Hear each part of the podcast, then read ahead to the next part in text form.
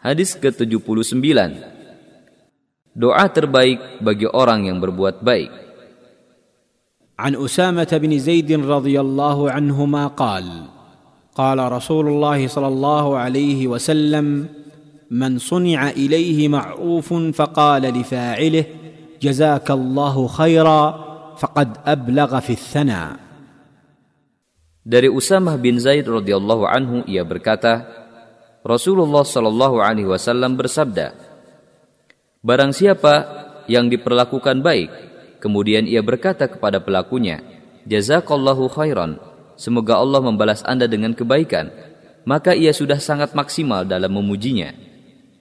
Hadis riwayat Tirmidzi.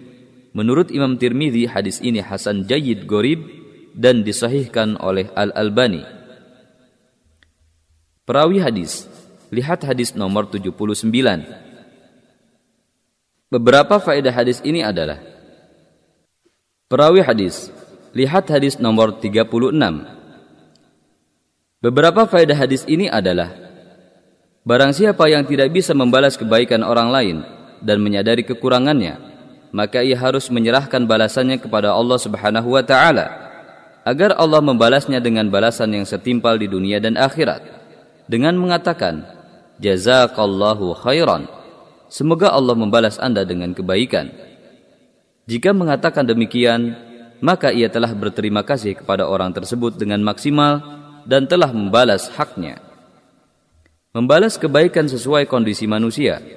Di antara mereka, ada yang membalas kebaikan dengan semisalnya atau lebih banyak lagi.